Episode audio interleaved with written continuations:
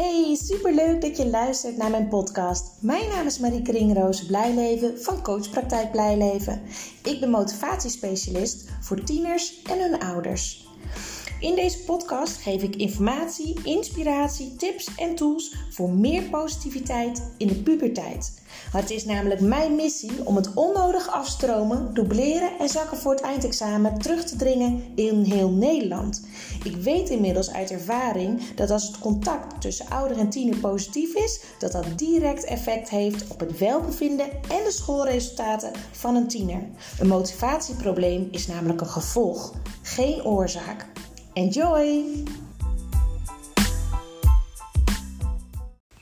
Hey, welkom bij weer een nieuwe aflevering van mijn podcast. En in deze podcast wil ik graag met jullie ehm, ja, het thema behandelen van jongeren en ja, jongvolwassenen, maar ook volwassenen die heel materialistisch zijn ingesteld. Wat zegt dat nou eigenlijk? Nou, heel vaak als je het aan deze mensen zelf vraagt of aan die tieners zelf, ja, ik heb nou eenmaal een dure smaak of ik vind dat nou eenmaal mooi. Ik hou van luxe. En toch ben ik ervan overtuigd, persoonlijk, door de ervaring die ik inmiddels heb met tieners, uh, maar ook ouders met emotioneel afwezige vaders, dat het altijd een vorm van uh, status willen hebben is. En niet, ja, ik zal proberen jullie zo duidelijk mogelijk uit te leggen wat ik hiermee bedoel. En ik heb geen oordeel. Dat wil ik altijd uh, even duidelijk zeggen. Het is meer mijn nieuwsgierigheid dat ik denk: wat zit erachter? Waarom moet het die dure merkkleding zijn?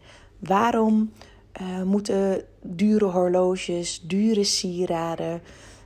Um, hè, uh, waarom moet het zo, ja, uiterlijk vertoon? Ja, dat klinkt zo negatief, maar waarom is dat belangrijk? En dit heeft ook heel vaak te maken met de erkenning die deze mensen nodig hebben, die ze zoeken, die ze kwijt zijn. En ook hierbij is er heel vaak sprake van een emotioneel afwezige vader.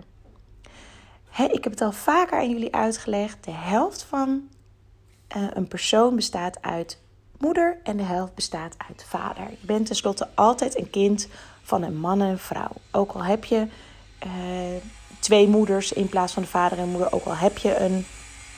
Uh, ook al heb je twee vaders. Er is altijd een man en een vrouw betrokken bij het krijgen van een kind. Altijd. Als jij niet de erkenning krijgt van uh, eh, 50% van jezelf, dus van de vader, dan voel je daar dus een leegte, een gat die je uh, ja, die je wil opvullen. De erkenning voor die helft van jou als persoon wil je krijgen. En daar ga je naar zoeken. En als je die niet direct kan vinden, of je hebt het gevoel dat mensen jou niet zien, of niet horen, of niet op waarde schatten, dan hebben sommigen dus het idee dat ze dat kunnen creëren door uh, dure spullen. Door uh, ja, te kunnen laten zien dat ze veel geld hebben. Door een duurdere auto te kopen als ze wat ouder zijn. Door dure sieraden te dragen. En dat zorgt ervoor, voor hun gevoel, dat ze wel worden gezien. Het probleem is alleen dat ook deze materialistische zaken niet jou dat gevoel geven die jij eigenlijk zoekt. Niet het gevoel van volledig 100% erkenning voor wie je bent. Want die, e die leegte die je voelt, die kan eigenlijk alleen maar door jouw vader worden opgevuld. En misschien denk je nu, ja, dat is allemaal leuk en aardig, maar van mijn vader ga ik dat never nooit krijgen. En dat kan, hè, dat kom ik heel vaak tegen. En ik heb daar eerder een podcast over opgenomen. Je kunt de ander niet veranderen. Je kunt alleen maar ermee om, uh, uh, veranderen hoe jij met de situatie omgaat, hoe jij met die persoon omgaat. En zo is dat ook bij dit thema. Als jij dus een, een vader hebt, um, of je, je bent uh, tiener, um, Nee, ik bedoel, of je bent de ouder van een tiener en ehm, ja, de, de, de vader van jullie kind biedt niet de erkenning, dan kan je je daar behoorlijk machteloos over voelen. Daar heb je geen invloed op. Wat wel helpt, is de eerste stap om gewoon het inzicht te krijgen, het bewust worden van het feit dat jij voor een deel jezelf niet erkend voelt. En dat dat zeer waarschijnlijk te maken heeft met een emotioneel afwezige vader. Of door de afwezigheid van de erkenning van je vader. En dat is interessant om dat besef te hebben. En dat is geen oordeel naar de vader toe, want die vader heeft in bijna alle gevallen ook weer een vader die emotioneel afwezig was. Dus het is altijd iets systemisch wat, uh, wat zich voortzet, maar dat kun je, kun je dus doorbreken. En het belangrijke daarbij is dat je je vader, en ook je moeder uiteraard, maar we hebben het nu even over de vader, volledig accepteert zoals hij is. Met al zijn plussen en zijn minnen. Dus ook als hij jou niet biedt wat jij wel graag zou willen, toch hem volledig accepteren. En beseffen wat je wel bij hem kan halen en wat niet. Of misschien wel dat je helemaal niks bij hem kan halen.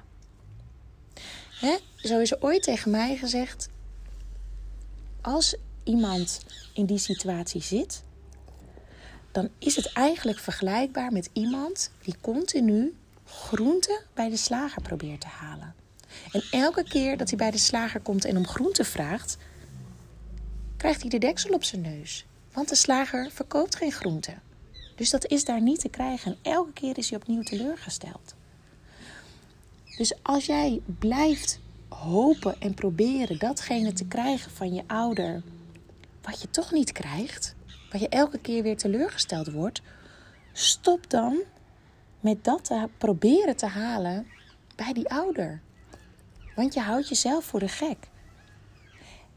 En ouders geven wat ze kunnen geven. Ouders hebben ook weer dingen van hun ouders doorgekregen. Zowel de, de, de positieve dingen als de minder positieve dingen. En die worsteling kan dus generaties lang doorgaan. Dus als jij nu zoiets hebt van hé, hey, ik herken dit. Ik ben bijvoorbeeld ook heel erg materialistisch ingesteld. Hè, dat je dat bij jezelf denkt. Uh, ik uh, draag ook hele dure sieraden en merken. En ja, dat, dat heeft allemaal weer te maken met het gezien willen worden. Met het serieus genomen willen worden. Want wat, of wie moet ik eigenlijk zeggen, wie ben jij zonder die dure spullen? En daar gaat het eigenlijk om. Dat jij je volledig jezelf accepteert zoals je gewoon bent in pure zijn. Zonder dure spullen accepteren dat jij oké bent. En zodra jij dat kunt, zal je ook weer veel meer acceptatie kunnen voelen en vrede voelen met de ouders die je hebt.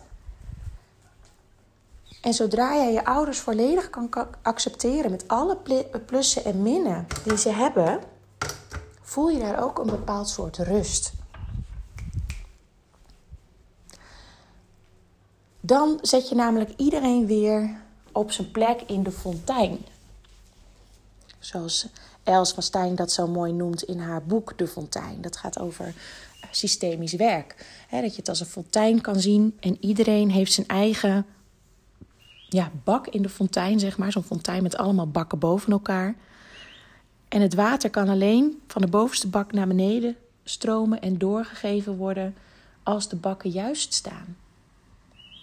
Als jij namelijk ehm, de onderste bak bent hè, als kind, de breedste bak waar het water op het laatst neerkomt, bijvoorbeeld, en jij gaat boven die van je ouders staan, dan kan het water niet meer doorstromen.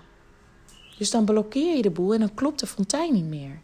En als je dus wel jezelf kan uh, volledig kan accepteren en of uh, je ouders volledig kan accepteren met alle plussen en midden en hun in hun bak laat staan en jij in jouw bak blijft staan, dan kan het water gewoon doorstromen. En zo zit het dus ook in families in elkaar. En ja, dit is iets als ik om me heen kijk, ook bij veel ondernemers, vooral ook bij uh, toch weer de mannen en de jongens, zie ik het heel veel gebeuren. De dure merkkleding, de dure sieraden, um, luxe auto, het uiterlijk vertoon om maar gezien te worden, om maar eruit te springen, om maar op te vallen, om maar erkenning te krijgen. Terwijl eigenlijk het erop wijst, in de meeste gevallen, dat je dus gewoon een stukje erkenning mist uit je ouderlijk gezin. En daar, heb je, daar kan je wat mee doen. Het is niet zo als jij jezelf hierin herkent of iemand anders, dat het een verloren zaak is. Absoluut niet. En ik herken zelf ook best wel veel van deze dingen. Ik heb dat al eerder gedeeld. Ik heb zelf ook te maken gehad met een ehm, emotioneel afwezige vader, een periode in mijn leven. En een andere periode in mijn leven met een afwezige, emotioneel afwezige moeder. En ik heb dat ook heel veel gehad, dat ik die erkenning zocht, dat ik uh, gezien wilde worden. Bij mij is dat heel lang geweest dat ik in een, in een ja, onbewust, maar in een slachtofferrol zat. Dat er altijd wel wat aan de hand was toen ik een stuk jonger was. En daardoor werd ik dan gezien en dan werd er dus voor mij gezorgd. Ja, als ik nu terugdenk, vind ik dat vreselijk. En zo ben ik gelukkig nu helemaal niet meer. Maar dat was onbewust een overlevingsstrategie geworden om maar gezien te worden.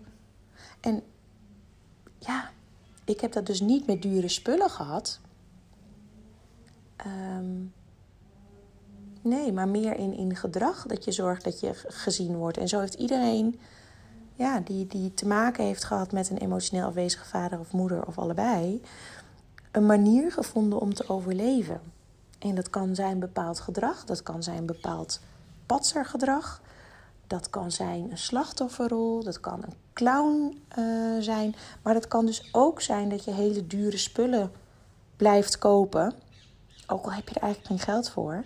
Om maar gezien te blijven worden. Dat kan. Oké, ik ben benieuwd of je hier wat van herkent. En het is vaak ook wel weer confronterend, helemaal ja, voor degene die zichzelf erin herkent. En beseft, ja, ik heb inderdaad dit of dat nodig om het gevoel te hebben dat ik gezien word. En dat is interessant, want dan dat heeft dus iets. Dan heb je dus werk te doen aan de binnenkant, zeg maar. En te beseffen dat jij de erkenning jezelf mag geven. En dat jij al helemaal weet van binnen: ik ben helemaal oké zoals ik ben. En ik haal alles uit mijn leven wat ik eruit wil halen. En dat gaat met vallen en opstaan en dat is oké. Ik hoef me niet anders voor te doen. Ik mag gewoon mijn pure ik zijn, mijn pure zelf zijn. Dan ben je in balans. Dan voel je je oké. en dan ben je ook het sterkst. En dan ben je het prettigst ook in contact. Oké, lieve mensen, ik rond hem weer af. Ik wens jullie weer een hele fijne dag. Doei doei.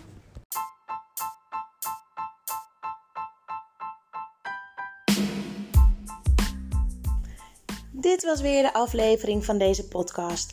Ik hoop dat je het leuk hebt gevonden, dat je er veel informatie, tips en inspiratie uit hebt kunnen halen. Ik ben ontzettend benieuwd wat jij van deze podcast vond en wat je eruit hebt gehaald. Want ik neem ze op, maar ik wil heel graag weten hoe het is voor jou als luisteraar om dit allemaal te horen. Wil je mij dat laten weten via een persoonlijk berichtje? Dan vind ik dat hartstikke leuk. Wil je andere ouders motiveren, stimuleren? en inspireren met podcast, deel het dan op social media. En wil je mij contacten? Dat kan via www.coachpraktijkblijleven.nl. En wie weet spreken we elkaar snel. Fijne dag!